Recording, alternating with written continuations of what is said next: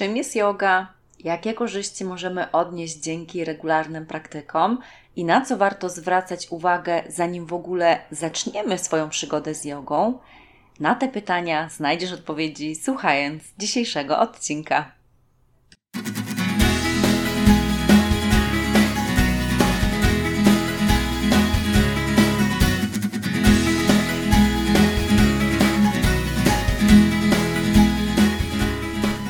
Dzień dobry, cześć. Ja nazywam się Justyna Baranowska, a to jest mój podcast Asertywna Emigrantka. Z zawodu jestem psycholożką, obecnie kształcę się również w zawodzie psychoterapeutki w nurcie poznawczo-behawioralnym. Od 13 lat sama mieszkam na emigracji. Najpierw mieszkałam w Holandii, obecnie kontynuuję w Niemczech dalej podróż zwaną życiem. A ten podcast dedykowany jest wszystkim osobom, które interesują się tematyką związaną ze zdrowiem psychicznym, ale również tym, jak może wyglądać i z czym zmagają się rodacy, którzy zdecydowali się na życie na emigracji. Serdecznie zapraszam. Cześć, witam Cię serdecznie w kolejnym odcinku mojego podcastu Asertywna Emigrantka poprzednim odcinku miałaś przyjemność wysłuchać mojej rozmowy z Beatą Mroczkowską, e, psycholożką i właścicielką szkoły językowej Tal4Yo o jej doświadczeniach emigracyjnych. A dziś mam dla Ciebie gościa, specjalistkę, nauczycielkę jogi, która podzieli się z nami swoją wiedzą i swoimi kompetencjami i odpowie na pytania, czym jest w ogóle dla niej yoga, o czym warto pamiętać, zanim w ogóle zaczniemy praktyki jogi i czy yoga zarezerwowana jest wyłącznie dla kobiet. Ciekawy, ciekawa? Zostań tutaj z nami i wysłuchaj naszej rozmowy. Cześć Justyna, bardzo się cieszę, że e, zgodziłaś się być gościnią w kolejnym odcinku mojego podcastu. Cieszę się tym bardziej, ponieważ sama jestem fanką jogi, a ty jogi nauczasz, więc tym bardziej czuję się zaszczycona. Dzięki śliczne Justynko, w ogóle moja imienniczka za zaproszenie. I troszkę się stresuję, bo to mój pierwszy podcast jest. Zobaczymy, co wyjdzie. Ja również jestem ciekawa, ale wierzę, że mm, stworzymy razem fajny odcinek. Mhm. Mm, dobra, Justyna, na początku w ogóle zdradź, jak do tego doszło, e, że tej jogi nauczasz i kiedy ona tak naprawdę pierwszy raz pojawiła się w Twoim życiu. E, wiesz co, to wszystko jest dalej troszkę zagmatwane, żeby tak prosto, ściśle powiedzieć na szybko, e, bo już jako nastolatka gdzieś tam się to przewijało mi. Dość interesowały mnie książki buddyzmu, z ajurwedy, mm, hinduizm, ale gdzieś to tak wiesz, z boku było inne zajęcia, inne sporty. Jako nastolatka gram w tenisa, później jako dorosła kobieta capoeira, bieganie. Przyjeżdżając tutaj do Holandii, bardzo dużo jeździłam na rolkach, e, trenowałam kalinestykę. Wow pewnym momencie na rolkach złamałam dość poważnie rękę. Mm, w trzech miejscach, efektem czego było pół roku noszenia gipsu, bo musieli dwa razy mi ją łamać. A następnie operacja nadgarstka, więc w sumie byłam na rok wycięta z życia, z takiego sportowego, zawodowego. A no nie było to łatwe dla mnie, tak? Rok czasu um, bez sportów, bez aktywności to była dla mnie tragedia.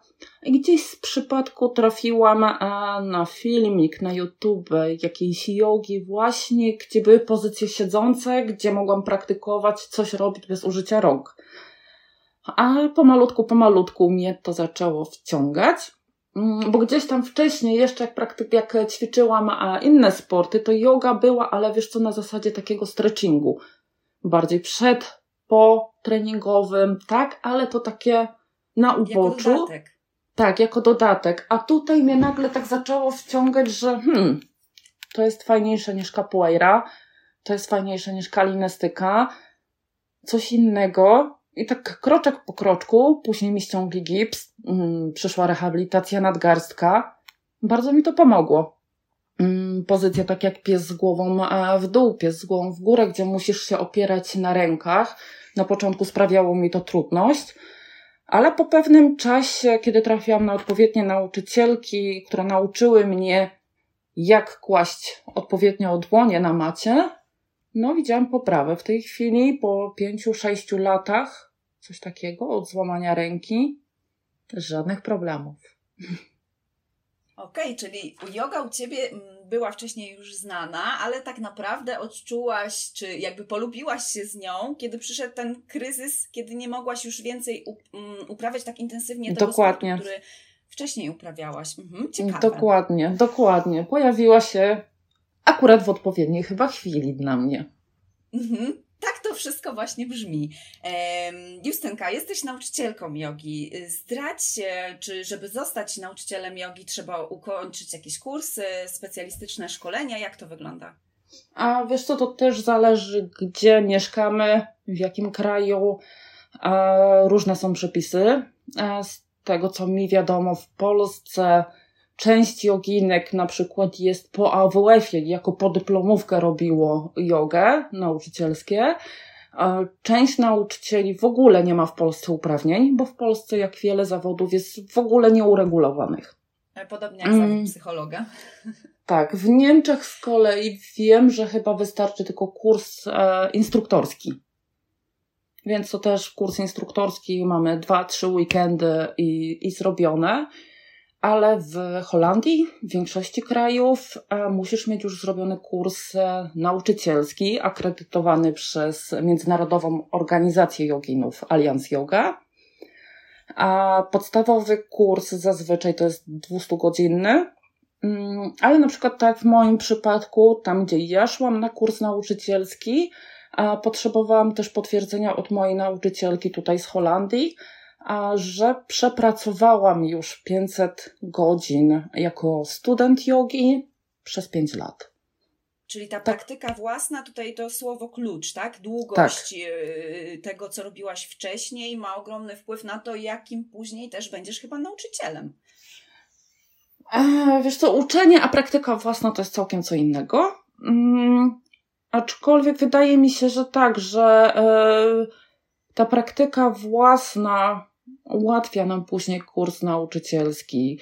Kiedy ja przez te x lat praktykowałam sama z sobą, ze swoimi nauczycielami, e, idę już na ten kurs nauczycielski, znając asany, znając własne ciało, znając swoje ograniczenia i, i możliwości swojego ciała. Wydaje mi się, że jest później mi troszkę łatwiej pokazywać uczniom, że słuchajcie, mhm. ja na przykład nie jestem w stanie przez chory bark stanąć na rękach.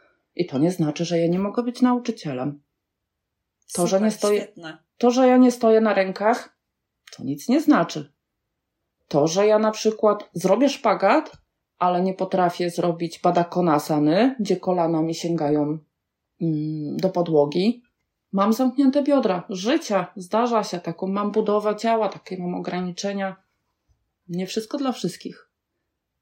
E, I tu mi wybrzmiewa taki fajny e, akcent, że yoga może być akceptacją również, nauką tak. akceptacji, ale e, zanim przejdziemy o tym, czym ta yoga jest dla Ciebie, to jeszcze zdradź, w jakim Ty nurcie się rozwijasz, jakie są w ogóle nurty jogi i o co w tym wszystkim chodzi. E, nurtów jogi masz pełno. Mm, taką podstawowym nurtem to jest hatha yoga, matka chyba wszystkich nurtów. A ja się rozwijałam na początku tylko i wyłącznie w Ashtandze jodze, aczkolwiek kurs, kurs zrobiłam Vinyasa yoga. A różnica między Ashtangą a Vinyasą mm, w Ashtandze mamy sztywne sekwencje asan. Robimy asanę po asanie, nie ma tutaj możliwości zmiany, nie ma tutaj e, możliwości bardziej dopasywania praktyki do ucznia, do własnego ciała. Z kolei Winiasa, ja bym nazwała, że ona jest trochę córką asztangi. Winiasa mm, jest taką lżejszą praktyką. Jeśli ktoś ma problem, tak jak ja miałam z nadgarstkiem, robiłam więcej e, asan na nogi, na brzuch, na ciało, a te ręce sobie odpuszczałam, tak? Tutaj jest większa możliwość e, dopasowywania. A poza asztangą i winiasą mm, jest jeszcze Arial Yoga, którą obecnie e, jestem na kursie nauczycielskim. Myślę, że do końca wakacji pierwszy stopień nauczyciela Arya Yogi będzie skończony. Oby. Ja Ci tego życzę, ale powiedz jeszcze, zdradź, czym się różni ta Arial Yoga od tych, o których mówiłaś wcześniej. A tradycyjne metody Vinyasa, Ashtanga, Hatha, Win, Iyengar, Iyengar, zawsze mam problem z wypowiedzeniem tej nazwy. Są to wszystkie e, style, które po prostu praktykujemy z własnym ciałem, nie potrzebując praktycznie niczego, tylko kawałka podłogi. A Arial Yoga jest to z kolei yoga w powietrzu, na huście, na szarfach, e, gdzie mamy w pewnym sensie odciążenie ciała. Niektóre asany są o wiele łatwiejsze, a w niektórych, no niestety, potrzebujemy o wiele więcej siły, o wiele więcej elastyczności, bo jesteśmy w powietrzu. Ja um, oczywiście obserwuję Twój profil, więc widziałam parę Twoich wyczynów w powietrzu i e, oczywiście w opisie pod odcinkiem umieszczę wszystkie potrzebne linki, tak żeby nasi słuchacze mogli znaleźć Twoje konto i zobaczyć, jakie cuda praktykujesz. E, ale teraz e, wróćmy do tego pytania właśnie, czym ta yoga jest w ogóle dla Ciebie? Czy masz jakąś swoją definicję jogi? Nie mam definicji. Wiesz co, definicja to jest takie sztywne słowo, tak? Że musimy się trzymać w pewnych ramach od A do Z i, i nie wychodzić poza, tych, poza te ramy. A yoga, yoga ma być dla nas. To nie my jesteśmy dla jogi, tylko yoga jest dla nas. Dla mnie yoga to jest wszystko, co mamy e, w koło siebie, tak? To nie tylko ta fizyczność, co widzimy na zdjęciach asany, ale to dbanie o samą siebie. Na przykład dla mnie dbaniem o samą siebie jest to, że nie jem mięsa, nie jem produktów e, mlecznych. Zdecydowanie lepiej to wpływa na mój organizm, ja lepiej funkcjonuję, więc dbam o siebie przez to. Dla mnie to też jest yoga. A czym jeszcze dla mnie jest yoga? Nie tylko dbaniem o siebie, ale o wszystkich w koło. Po prostu bycie dobrym. Tak jak yoga, buddyzm, e, inne filozofie, inne religie na tym świecie – mają poszczególne różne swoje aspekty, a wszystko się sprowadza do po prostu bycia dobrym. Piękne jest to, co mówisz, i e, piękny płynie przekaz. W ogóle nigdy nie patrzyłam na jogę aż tak szeroko. Nie myślałam, że e, yoga jest takim naprawdę holistycznym e, podejściem, gdzie ważny jest tak naprawdę każdy obszar naszego e, życia. Bardzo mi się to podoba. Dobrze, Justynko, w takim razie powiedz mi, jakie korzyści płynące z regularnych praktyk zauważasz sama na sobie i jak ona, yoga, może pomóc też innym? Wiesz co, w moim przypadku na pewno to korzyści zdrowotne. Mm, nie jestem osobą o najlepszym zdrowiu fizycznym, pomimo tego, co widzicie na zdjęciach. E, ale yoga na przykład pomaga mi fizycznie w menstruacji, w naszych ciężkich dniach. Kiedyś dla mnie to były dni nie do przejścia bez tabletek przeciwbólowych.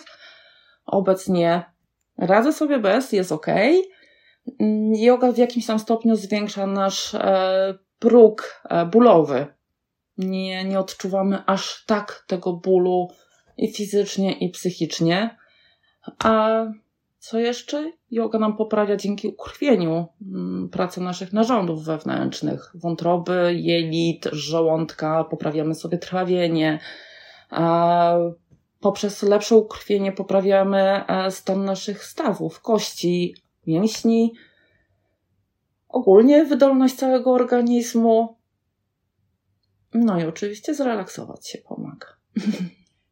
Super, fajnie e, poruszyłaś ten e, aspekt e, fizyczny, a zdradź, czy i jak yoga może nam pomóc w lepszym radzeniu sobie ze stresem i emocjami. No na pewno yoga pomaga się zrelaksować, tak jak już powiedziałam. Psychologiem nie jestem, tą działeczkę zostawiam Wam, więc przede wszystkim w chorobach typu depresja, napady paniki, to są wasze działki psychologów, więc najpierw niech osoba z problemami uda się do specjalisty, a yoga niech będzie wsparciem, niech będzie w jakimś tam stopniu pomocna. Ale tak, pomaga yoga. E, wiesz co, regularne praktykowanie e, asan fizycznej jogi e, poprawia nam też ukrwienie mózgu, przez co podwyższa się stopień uwagi, koncentracji. Praktyka pranayamy, czyli oddechów, wycisza nasz układ nerwowy, mm, fizyczny aspekt jogi, tak? Kiedy stoimy na macie, musimy się skoncentrować, używać naszej siły fizycznej, ale w tym samym czasie musimy mieć koncentrację psychiczną nad tym, co robimy, jak stawiamy nasze ciało, jak stawiamy nasze nogi, gdzie układamy nasze ręce. Mm. Przez to wydaje mi się, że również redukujemy naszą agresję wewnętrzną, naszą złość do wszystkiego po kolei, co nas denerwuje. Uczymy się akceptować rzeczy otaczające nas, nabieramy spokoju, redukujemy poziom stresu. I co ważne, po takiej fajnej, delikatnej, albo zależy od osoby, mocnej praktyce, możemy powalczyć z bezsennością. I to jest świetne, e, o czym mówisz, e, ponieważ myślę, że teraz w dobie tego, jak żyjemy, w dobie tej wszechobecnej presji, wiele z nas cierpi właśnie na trudności z zasypianiem. E, więc fajnie wiedzieć, że yoga ma aż tyle walorów i tak pozytywny wpływ nie tylko na nasze ciało, ale również na naszą psychi psychikę i duszę. Powiedz mi, Justyna, czego w ogóle Twoi uczniowie czy uczestnicy Twoich zajęć szukają na zajęciach? A wiesz co, chyba większość jednak przychodzi po fizyczność, nie przychodzi po całą tą otoczkę jogi, mentalną, duchową, wewnętrzną, tylko po fizyczną. Ale i tak dostają a... to chyba jako efekt uboczny. Tak, tak, zdecydowanie tak. Dużo osób przychodzi, bo chcą zrzucić parę kilo a yoga na pierwszy rzut oka często wydaje się taka łatwa, przyjemna, że się nie zmęczymy, że sobie posiedzimy, poleżymy. E, a następnie po tak po przyjściu na zajęciach, pierwsze zajęcia zawsze robię spokojniutkie, łagodne, gdzie jest więcej oddechu, gdzie jest więcej spokoju, uczenia zauważenia się własnego ciała. A następnie gdzieś tam pomiędzy tej praktyki spokojnej przez te 5 minut daje taki troszkę, wiesz co, fizyczny, e, fizyczny wycisk, troszkę popalić, żeby jednak człowiek się zmęczył. Mm, I najczęściej dostaję feedback z powrotem, Justyna, ale następnym razem zrób nam mocniej fizycznie. My nie chcemy takiej łagodnej. Fizycznie. I to ci powiem, że często widzę u Holendrów. Bardzo często prowadzę zajęcia zastępcze e, w mojej ulubionej szkole jogi i raz w miesiącu również w w pobliskiej miejscowości prowadzę zajęcia. I tam Holendrzy zawsze byli przyzwyczajeni, że ta yoga jest właśnie taka delikatna, spokojna, a brakowało im cały czas tej energii takiej mocniejszej. E, I widzę, że właśnie to działa, chcą częściej, więcej, że nie ma na zajęciach, ale już jesteśmy zmęczeni, już mamy dosyć. Nie, niech nam jeszcze pocisną. Aha, czyli podkręć jeszcze troszeczkę te tempo, tak? Tak, tak, mhm. tak, zdecydowanie, zdecydowanie to najczęściej występuje. Podkręć tempo. To ciekawe, bo nigdy nie patrzyłam e, na jogę jako na taką praktykę, która również pomaga nam dbać o, o naszą wagę. Zdecydowanie tak. E, jestem przeciwna używania, wiesz co, wagi do wyznacznika, jak wyglądam, ile ważę, bo ktoś, kto waży 60 kilo, ale się zasiedział na kanapie z piwem i chipsami, będzie przy wzroście przykładowo 1,50 m kuleczką, a ktoś, kto będzie ważył 60 kilo przy wzroście 1,50 m, a jednak uprawiał sporty, czy praktykował jogę, to też jest fizyczność, to ciało inaczej wygląda, tak? Mamy ciało umięśnione. Mięśnie ważą, wiadomo, więcej. Wyrzućmy wagi z domu. Super. E, świetne, że to mówisz. Ja właśnie myślę o tym, żeby swoje się pozbyć. Bardzo dobry pomysł, polecam. E, słuchaj, Justynka, a kto do ciebie częściej przychodzi na zajęcia? Kobiety czy mężczyźni? E, zdecydowanie kobiety. Kobiety tutaj górują, chociaż do połowy lat XIX wieku yoga w Indiach była zarezerwowana tylko i wyłącznie dla mężczyzn to oni praktykowali, a nie my. W dzisiejszym nowoczesnym, europejskim, amerykańskim świecie a uważa się zdecydowanie, że yoga jest dla kobiet, bo jest taka łagodna, spokojna. A mój partner się zawsze śmieje, że on nie będzie się wygłupiał i wyginał na macie. I często to słyszę też od innych mężczyzn. Ale wiesz co? Przed jogą e, trenowałam kalinestykę.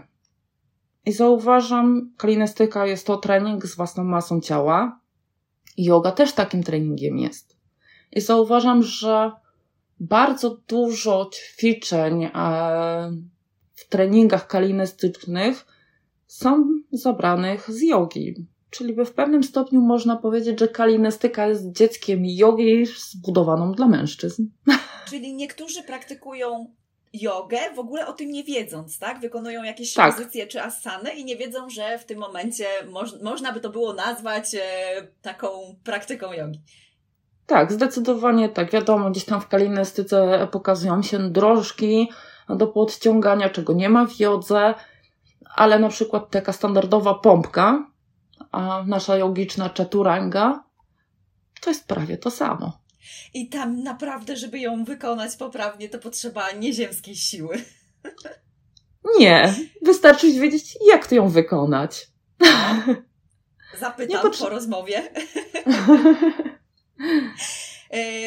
A słuchaj, czy powiedziałabyś, że yoga jest właśnie dla wszystkich? Czy może są jakieś czynniki, które niektóre osoby mogą wykluczać e, z udziału w zajęciach?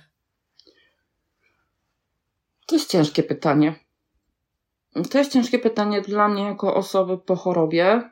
Mm, kiedyś słyszałam od lekarzy, że nie wolno mi w ogóle uprawiać sportów, że powinnam usiąść swoją pupą na czterech literach i najlepiej czekać nie wiadomo na co. Ale dzisiaj słyszę od lekarzy, trenuj więcej. Mm, najczęściej wiesz, co też mi się stwierdzenie pojawia od uczni, od studentów, którzy piszą, że chcieliby zacząć zajęcia i słyszę, ale nie jestem dość rozciągnięta, nie mam wystarczająco siły, nie wiem, czy się w ogóle do tego nadaje. Wydaje mi się, że yoga jest dla wszystkich, bo nie ma tutaj ani ograniczeń wiekowych, ani płci, ani zdrowotnych, prawie że.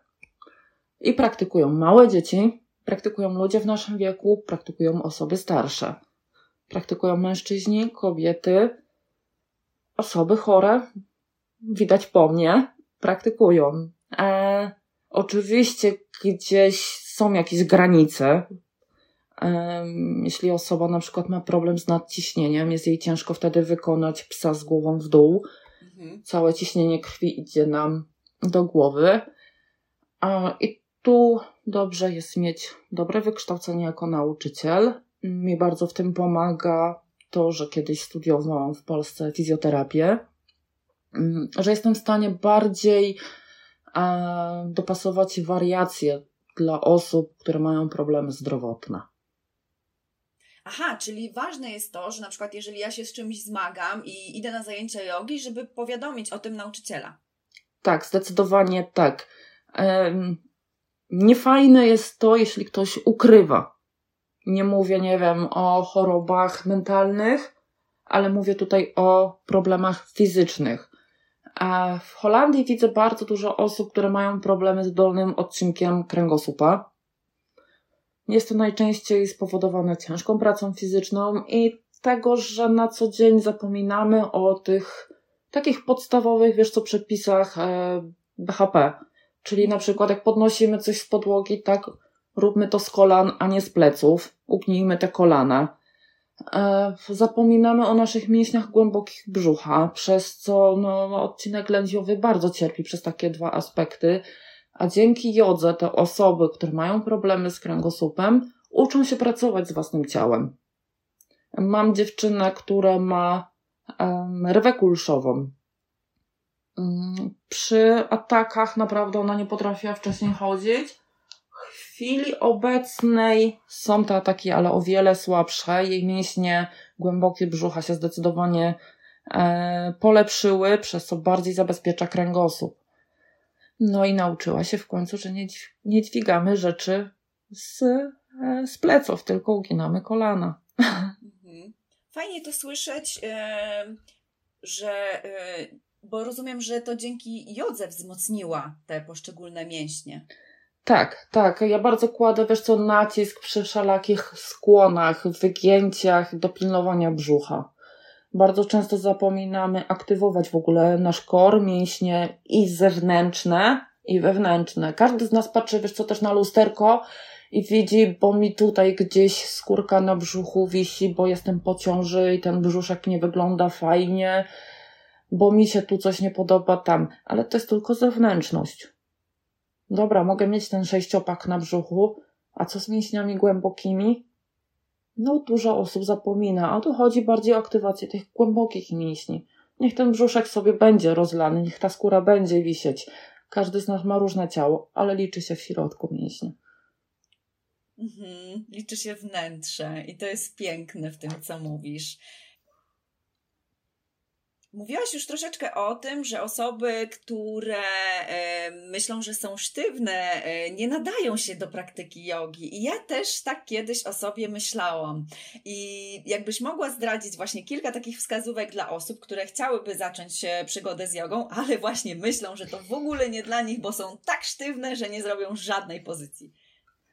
No ale zajęcia dla początkujących, jak sama nazwa mówi, są zajęciami dla początkujących, tak? Więc tutaj właśnie to stwierdzenie, bo nie wiem, czy sobie poradzę, no jest troszkę no niepotrzebne, bo po to są zajęcia dla początkujących, żeby iść kroczek po kroczku, uczyć się po, powolutku i oddychania, e, i siedzenia, i stania, i gdzieś tam powoli iść do przodu tak jak dziecko, tak? Dziecko małe najpierw uczy się delikatnie podnosić główkę, później się przewraca, później gdzieś tam raczkuje, później powoli staje i przewraca się.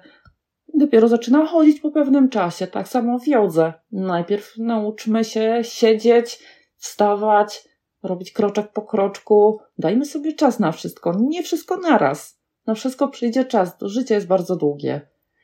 Mm, a wskazówki?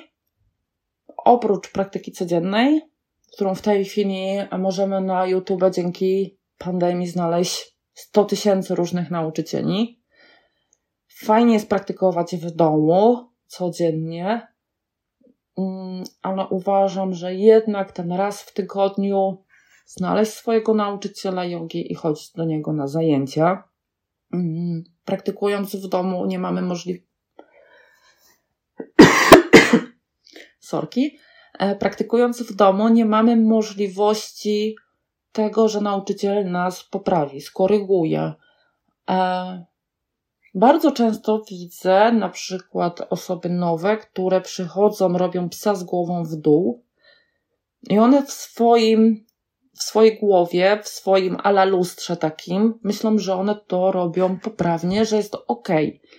A tak naprawdę bardzo często mają zaokrąglone plecy na hama próbują na przykład e, piętami docisnąć do maty, no gdzie ich powięź, no niestety nie pozwala na to.